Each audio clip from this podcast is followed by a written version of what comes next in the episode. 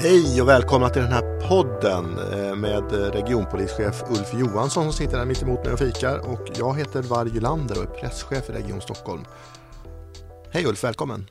Tack så mycket, god morgon! Hur är läget? Det är bra. Ja. Jag har spelat innebandy här på morgonen så att eh, jag känner mig lagom i form här. Innebandy, är det en typisk polisgrej? Är det inte det? Jo det är det, och kul är det också. Ja, men är det inte farligt så här, inför julen? Ah, Jag tänker på knäckta fötter och armar. Och... vi klarar oss bra idag i alla fall. Men du sa ju precis att ni förlorade. Ja, men skademässigt gick det bra. Du, ehm, idag eh, så eh, vaknar vi till nyheterna av eh, en ny misstänkt terrorhandling i Berlin. En person eller flera som körde in med en lastbil i en folksamling och många döda. Och det här väcker ju frågan eh, igen då i Stockholm. Hur, hur ser du på vår förmåga att klara en framtida eventuell terrorhändelse i Stockholm? Tittar man på händelsen i Berlin så kan man ju säga att det är en mycket svår operativ händelse att hantera. Både att förebygga och också hantera när den pågår. Eh, vi har under lång tid nu eh, försökt att förbereda vår organisation med utbildning, utrustning, eh, taktiskt tänkande och mental beredskap för att vi ska kunna hantera de här så bra som möjligt. Sådana här typer av händelser. Kan du ge några, några exempel på vad det, det är? Vad har- vad har gjort i Stockholm? Ja, det är ju egentligen det är viktigt att, att öka kunskapen. Det är viktigt att ha rätt utrustning, både personlig utrustning och eh, att vi har tillgång till fordon och annat som vi behöver eh, om vi drabbas av terrorattentat. Eh, vapen, ja det vi behöver för att kunna hantera. Eh, vi har lyssnat och, och försökt att verkställa det som vi då behöver ha. Hur tror du att, eh, hur tror du att personalen, alltså polis, framförallt IG-personal som vi kallar, alltså ingripande personal, de po- polisen finns i yttre tjänst. Eh, känner, hur ser de på det här? Vet du det? Ja, det är ju naturligtvis en oerhört viktig fråga för dem att ha rätt förutsättningar eh, om det skulle inträffa. Och eh, de har en väldigt bra grund eh, med sig från sitt dagliga arbete och vi har försökt att vässa den. Och jag hoppas och tror att de känner sig eh, så redo som man kan vara i de här, vid de här tillfällena. Mm. För det är klart att en terrorattack, hur den än ser ut, kommer att vara oerhört svår att hantera även för, för oss. Ja, det är klart en, en lastbil som kör in i en folkmassa och det pågår under en kort tid. Det är otroligt svårt att hantera. Mm. Vi får verkligen, eh, vi hoppas att eh, eh, vi ver- verkligen slipper att se den här typen av händelser i Stockholm eller i Sverige överhuvudtaget förstås. Eh, en helt annan sak, eh, de senaste dagarna så har eh, nästan en politisk samstämmighet rört våran rikspolischef Dan Eliasson. Och det har kommit avgångs, ganska tydliga, eller väldigt tydliga avgångskrav på våran chef här. Hur ser du på den här debatten kring honom som person och, hans, och de här avgångskraven som kommer titt som tätt?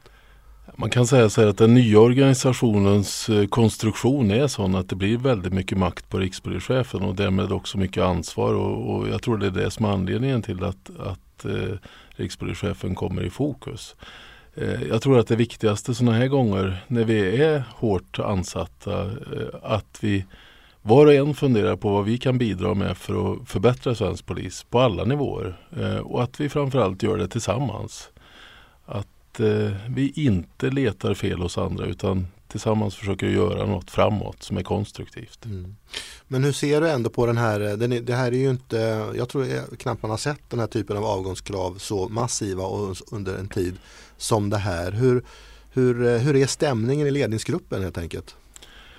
Vi, vi jobbar ju gemensamt för att skapa de bästa förutsättningarna för svensk polis. Det är ju vår målsättning. Och, och eh, vi har en övertygelse om att, att vi ska ta oss ur det här och att vi ska eh, skapa de där förutsättningarna som behövs tillsammans med vår personal. Så att, eh, men det är klart det är bekymmersamt när, när vi får den här kritiken från olika håll och, och den måste vi ju ta på allvar naturligtvis. Mm.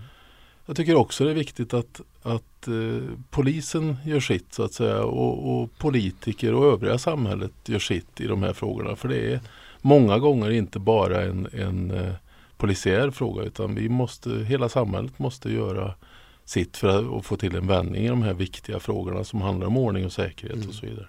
Men du, kan, du, kan du ändå, eftersom det kommer så brett, jag återkommer lite, tjatar lite här känner jag om den här frågan, men hur kan du, hur kan du förstå att den finns? Det här, den här massiva kravet, att, att det finns någon slags eh, behov av att peka ut någon som är ansvarig för alltihopa. Hur ser du på det? Jo men det är klart att, att Eh, det är lätt att förstå att, att det är frustration på många olika håll och, och då måste den riktas någonstans. Och det är klart att rikspolischefen blir personen som, som får stå i, i skottgluggen. Eh, men jag kan tycka att det här kräver många olika åtgärder från många olika människor. Och, och här, som jag sa, tillsammans är viktigt. Här. När det är som värst så, så är det inte eh, att vi biter varandra som är grejen. Utan det är att vi gör det konstruktivt eh, tillsammans framåt. Mm. Jag satt och tittade i en eh, tidning här för en tid sedan som eh, också handlar om Dan Eliasson. Det är ju väldigt mycket som gör det och polisledningen. Men även det politiska ansvaret. För en tid sedan så var det en debattartikel skriven av en eh, anställd inom polisen i Stockholm i Svenska Dagbladet som också var väldigt kritisk. Jag tror jag har den här någonstans. Ska se, ska se vad, vad det stod här. Jag har nästan glömt bort vad det stod. Jag ska läsa en rad för dig så fort jag hittar den. Du kan väl ta lite kaffe under tiden. Eh, jo men så här skriver han Att det kan bli fel i en stor statlig omorganisation är i sig inte särskilt uppseendeväckande. Det är en komplicerad process som tar tid, som innebär en viss påfrestning för medarbetarna och som kan påverka resultaten. Men nu kommer det då. Det märkliga med den nya polismyndigheten är omfattningen av problemet och att myndighetsled och myndighetsledningens ovilja och oförmåga att se och lära av situationen. Vad är dina tankar kring det? Jag tycker beskrivningen eh, eh, stämmer väl med verkligheten. Det är komplicerat och det är många olika faktorer. Eh, vi gör vårt absolut bästa för att vara konstruktiva i det här och det som är absolut viktigast för oss det är att fokusera på fler eh, polispersonal i yttre tjänst och få till en utredningsverksamhet som fungerar bättre än idag och som har förutsättningar för att fungera bättre idag. Då är vi mitt i kärnan och det är där vi ska försöka sätta in stöten som nummer ett. Mm. Fast det här låter ju som, det känns nu som vi har hört det här under två års tid att eh, kritiken har kommit, eh, du och andra chefer svarar hela tiden vi ska och ska och ska men det händer ju ingenting, det blir ju inte bättre Ulf.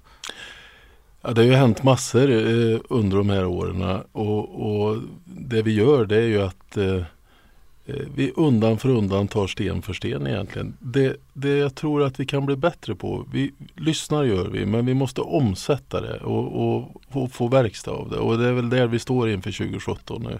Vi måste se till att det händer. Eh, det har hänt massor, ska jag säga. Men, men just det där att eh, vår personal i yttre tjänst märker att nu är vi en till, nu har vi bättre möjligheter och så vidare. Att utredarna ser att, att eh, den organisationen går igång på ett, på ett bättre sätt. Och, men det här är komplicerat mm. och, och, man ska veta det har gått två år. Eh, för Stockholms del tycker jag att det är kort tid. Eh, 7000 anställda, det är mängder av saker som ska hanteras och, och ordnas. Eh, men jag kan lova att vi, vi lyssnar och försöker att göra vårt absolut bästa för att se till att förutsättningarna är så goda som möjligt. Mm. Ni som kommer in och lyssnar nu, det här, han som pratar precis, han heter Ulf Johansson och är regionpolischef i Stockholm. Jag heter Varje Lander och är presschef i regionen. Uh, Ulf sitter här och försöker förklara för er um, varför vi ändå går framåt trots att många är kritiska. Och vi får ju ofta, och du inte minst Ulf eh, och andra chefer, när, när, vi, när ni försöker förklara så blir det ju många som gör tummen ner och kallar det för floskeltoppen och, och massa eh, ja, tomt prat helt enkelt. Eh, hur ser, alltså, går att konkretisera, kan du förstå att de tycker, många där ute som kritiserar polisen, både internt och externt, att det bara pratas och ingenting händer? Hur ser du på det? Jo, men jag kan förstå att känslan är sån och den är naturligtvis riktig i, i ett antal olika delar. Men, men eh, om man tittar på läget så kan man säga att vi har haft ett operativt tryck som har ökat på oss väsentligt. Det har ökat i yttre tjänst, det har ökat på utredningssidan. Jag var och pratade med utredare igår till exempel. Och beviskrav idag kontra hur de var för 15 år sedan, det är en enorm skillnad. Så trycket på oss eh, är väsentligt högre. Sen har vi en begränsad resurs som är för liten i, i grunden och det är klart det här skapar ju gnissel i organisationen. Eh, vi kan inte trolla i det där utan vi får försöka prioritera och lösa ut så många frågor som möjligt eh, för att gå framåt helt enkelt. Och som jag säger, det viktigaste nu för oss 17 är att få till den yttre tjänsten på ett rimligt sätt och, och få igång utredningsverksamheten eh, och få till förutsättningarna där. Mm. Men du, det här är ju återigen, vi säger mycket, vi pratar mycket och det görs mycket. Men hur vänder vi den här negativa trenden? Jag hör ju varje dag poliser och polisanställda som tycker att vi står still, det var det sämsta vi har gjort någonsin inom organisationen. Och det här är två helt olika bilder det du har och många andra. Hur, när vänder det? N när får vi anställda och medborgarna faktiskt tycka att det går åt rätt håll? Hur gör vi? Jag tror att det viktigaste när, när läget är som det är, det är att, att titta på uppgiften, klargöra den på alla nivåer. Vad är uppgiften för just eh, den här enheten, sektionen eller gruppen? Det är också viktigt eh, att ha en eh, bra blick över vilka resurser kan vi förvänta oss just på det här stället. Då har man eh, koll på uppgift och eh, Eh, personalnumerären. Det ska vi försöka tydliggöra nu. Och sen gäller det för alla eh, polisanställda att jobba tillsammans i det här eh, dagligen. Det är inte ett genidrag som jag sagt tidigare som avgör det här utan det är varje person i polisorganisationen som bidrar med att dra det här framåt. Och det går inte att titta på en eller två personer som ska ändra det här utan det måste vi göra tillsammans. Alla måste bidra. Och man jobbar stenhårt för det här i hela polisorganisationen. Så jag hoppas och tror nu att, att vi ser en vändning under 17 och sen att vi kan börja eh, titta framåt på ett annat sätt. Mm. Ser, har du sett några ljusglimtar ute i mörkret? Jag tycker en, en eh, väldigt stark ljusglimt är ju att vi har klarat det operativa läget. Eh, visserligen med väldigt mycket arbete från väldigt många och man är hårt sliten men vi har ändå klarat ut de viktigaste uppgifterna. Eh, vi klarar utryckningsverksamheten i, i dess väsentligaste delar. Vi har klarat ut eh, och, och jobbar stenhårt med grova brotten. Och, och, vi har en mängd utmaningar som vi har tagit hand om på ett bra sätt tycker jag. Men vi har en del kvar och det ska vi jobba med nu. Mm. Och, och, det är hårt jobb som gäller i det här. Det är mm. inget annat. Men många skulle jag säga upplever nog det du och andra säger som en, en, en, del av en annan verklighet än de lever i. Man läser varje dag i tidningarna om brotts, eller uppklarningen går ner, människor får inte hjälp, de har haft inbrott, kommer ingen och tittar till dem, säger de. Eh, mordutredningar läggs på hög runt om i landet, får man läsa i tidningarna. Eh, det, det, det tycks ju som om, om den bilden och din bild och många andras är helt olika. Ja, jag vill inte på något sätt skönmåla det här men jag ser att vår personal sliter otroligt hårt och gör väldigt många bra saker i vardagen. Allt från mordutredare som prioriterar, går framåt i ärenden, försöker se till att de löses på olika sätt. Jag ser yttre personalen som ser till att, att komma till folk som behöver hjälp eh, dagligen i olika delar. Eh, administrativa som sliter hårt för att ge service och annat. Eh, det där tycker jag är positiva delar. Vi, vi har en vilja att göra ett bra jobb tillsammans och det där är otroligt viktigt för en mm. organisation. Och mm. det tror jag kommer att bära oss framåt i det här också. Mm. Och kopplat till det så polisen har ju alltid haft, eller haft under många år i alla fall, väldigt högt förtroende hos allmänheten. Och vi har ju varit stolta över det och vi har alltid hävdat det även när det har blåst som mest att, vi har, att förtroendet för oss och vår verksamhet är hög. Nu har vi sett en mätning och eh, jag tror inte den sista som visar på en, en i alla fall i någon mån dalande eh, förtroendekurva. Eh, varför har det blivit så? Jag tror det är den ansträngda situationen som, som har gjort det här helt enkelt. Eh, vi har historiskt väldigt höga siffror i Sverige jämfört med vår omvärld. Eh, det ska man veta. Och, och, när det blir ansträngt så, så som det har varit nu så är det inte så konstigt att, att eh, förtroendesiffrorna går ner. De har gått ner en del eh, och, och det ska man ta på största allvar. För det är vår viktigaste faktor faktiskt som vi har att mäta. Men jag, bara, jag får bara skjuta in så här, vilka faktorer tror du det är som påverkar förtroendet hos allmänheten? Ja det tror jag är att eh, de gånger när vi inte kommer när man ringer till exempel eh, på utryckningssidan. De gånger när man inte hör någonting när man har anmält ett brott. Och, och de gångerna man eh, ringer eller besöker oss och det tar en väldig tid innan vi svarar. De här viktigaste grundförutsättningarna. Det är där vi, vi tappar förtroende tror jag. Men är det ju kopplat till individ och den direkta kontakten med polisen. Bilden av polisen i, i, hos allmänhet och media. Vad tror du att den har för betydelse för förtroendet? Eh, den har naturligtvis en, en betydelse men jag tror Eh, det viktigaste är just hur, hur deras möte är med, med oss och då är det de här eh, ja, att vi kommer när man ringer och att vi utreder de brott som anmäls på ett rimligt sätt. Mm. Och sen servicedelen. Det är de som vi ska koncentrera oss på. Mm. När du säger bara servicedelen, vad menar du då? Vad är det för någonting? Ja, det kan till exempel vara PKC när vi ringer och, och väntetiderna är 20-25 minuter eh, eller upp mot en timme eller en och en halv. Det är klart att, att du förtroendet blir lågt just i den delen. Mm. Eh, och, och, det är viktigt att lösa ut och, och, bli bättre på. Medborgarperspektivet är ju vår viktigaste mm. eh, prioritering. Mm. PKC för er som inte vet det står för Polisens kontaktcenter. Och det är en verksamhet som Polismyndigheten hela jobbar stenhårt med att förbättra och göra att man kommer fram snabbare till polisen och får hjälp. Eh, det var förtroendet. Nu, eh, en annan förtroendefråga handlar om hur polisen prioriterar olika, eller samma brott på olika platser kan man säga. Det har funnits en diskussion den senaste tiden om att eh, ett antal mordutredningar, både i Stockholm och på andra platser, skulle vara mindre prioriterade att reda ut därför att det drabbar en viss typ av personer. Man skulle kunna säga i de särskilt prioriterade områdena och i kriminella kretsar. Eh, vad får du för känsla när du, får den, när du hör den kritiken? Att vi alltså ser på utredning, att vi betraktar människor på olika sätt? Jag kan säga en av de viktigaste frågorna för oss inom polisen det är just att behandla alla lika och jag tycker verkligen att vi kan stå för att vi har gjort det. Eh, oavsett om, om eh, mordet sker i en förort eller om den sker inne i centrala Stockholm så eh, ser jag att vi har lagt exakt samma resurser och vi har jobbat precis lika hårt för att lösa ut de här. Kanske till och med att vi har lagt något extra för det är så viktigt i eh, särskilt brottsutsatta områden och, och lagföra och låsa in gärningsmännen. Nu senast så har vi haft ett stort antal eh, riktigt grova brott i en av våra eh, särskilt prioriterade områden som ligger Rinkeby-Tensta eller Tensta var det här. Tre mord, ett mordförsök bara på några dagar. Eh, enormt mycket polisresurser går åt, åt det där. Vi får ändå synpunkter på att polisen har övergett de här delarna. Det var någon som sa vi ser ju inte ens några polishelikoptrar längre i de här områdena. Eh, den här känslan ändå som finns i de här områdena att de inte prioriteras och syns.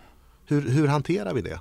Du, hanterar det, du det? Ja men det är ju viktigt att lyssna in naturligtvis och, och, ta det på allvar. Men, men vi har en grundplan för att förstärka de här områdena. Vi har gjort det redan innan. Och när det händer den här typen av händelser så går vi in eh, så med så mycket vi har, både i trygghetsskapande åtgärder med synliga poliser och i utredningsdelen för att låsa in gärningsmän. Eh, så, så i den delen tycker jag att vi kan säga, vi kan sträcka på oss och säga att vi är stolta över det arbete vi gör i det här.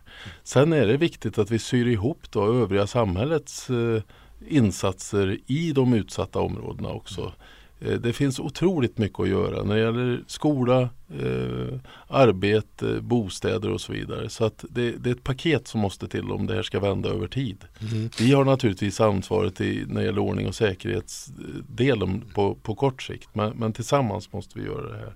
Jag vill ändå återgå till de här våldsbrotten i, i förorterna. Det, det finns ju en känd professor i ett svenskt tv-program som säger att vi är dåliga på att ut, utreda de här just därför att de drabbar de här områdena och att det skulle se helt annorlunda ut om det hade drabbat till exempel centrala Stockholm eller på Östermalm. Eh, tre, tre våldsbrott, tre mord på Östermalm. Hade vi hanterat det på samma sätt som i Rinkeby-Tensta? Jag vill påstå att vi går in med exakt eh, samma förutsättningar och samma resurs. Sen har han en poäng, Leif GW, i att eh, det eller, när det gäller uppklarningen av de här brotten så är det en skillnad ute i förorterna. För att vi får inte samma eh, vittnesuppgifter och, och, samma dialog med lokalsamhället. Eh, man har inte samma koll eh, och man delger inte polisen på, på det sättet man gör. Och det försvårar arbetet vilket gör att vi måste satsa ännu mer för att lyckas i, i de områdena. Så i den aspekten är det riktigt. Mm. Vi börjar närma oss slutet på den här podden. Eh, ni som lyssnar det är på Ulf Johansson som är regionpolischef i Stockholm. Jag heter Varje Lander och är presschef här. Vi är inte riktigt klara än. Eh, vi närmar oss de här många helgerna framöver eh, och eh, det kommer att vara bekymmersamt på många platser där ute och väldigt många anställda jobbar ju den här tiden. Vad har du att säga till dem? Ja, för det första skulle jag vilja tacka alla våra anställda för ett riktigt bra jobb under eh, 2016 här. Jag tycker vi har löst ut uppgiften på, på det allra bästa sätt utifrån de förutsättningar vi har haft. Eh, det blir naturligtvis en, en tuff jul och nyårshelg eh, med, med fylleri och, och, bråk och annat som, som några av oss ska hantera i, i vardagen. Och, och inte får vara lediga. Och de känner man extra för de här gångerna. Man tänker på dem på kvällarna och, och när man vaknar och hoppas att, att eh, de har fixat sin uppgift på ett bra sätt. Så tankarna är mycket hos dem som får slita under de här helgerna. Och därmed så eh, tackar vi för idag Ulf Johansson. Tack för att du kom hit. Tack så mycket. Tack. Hej då.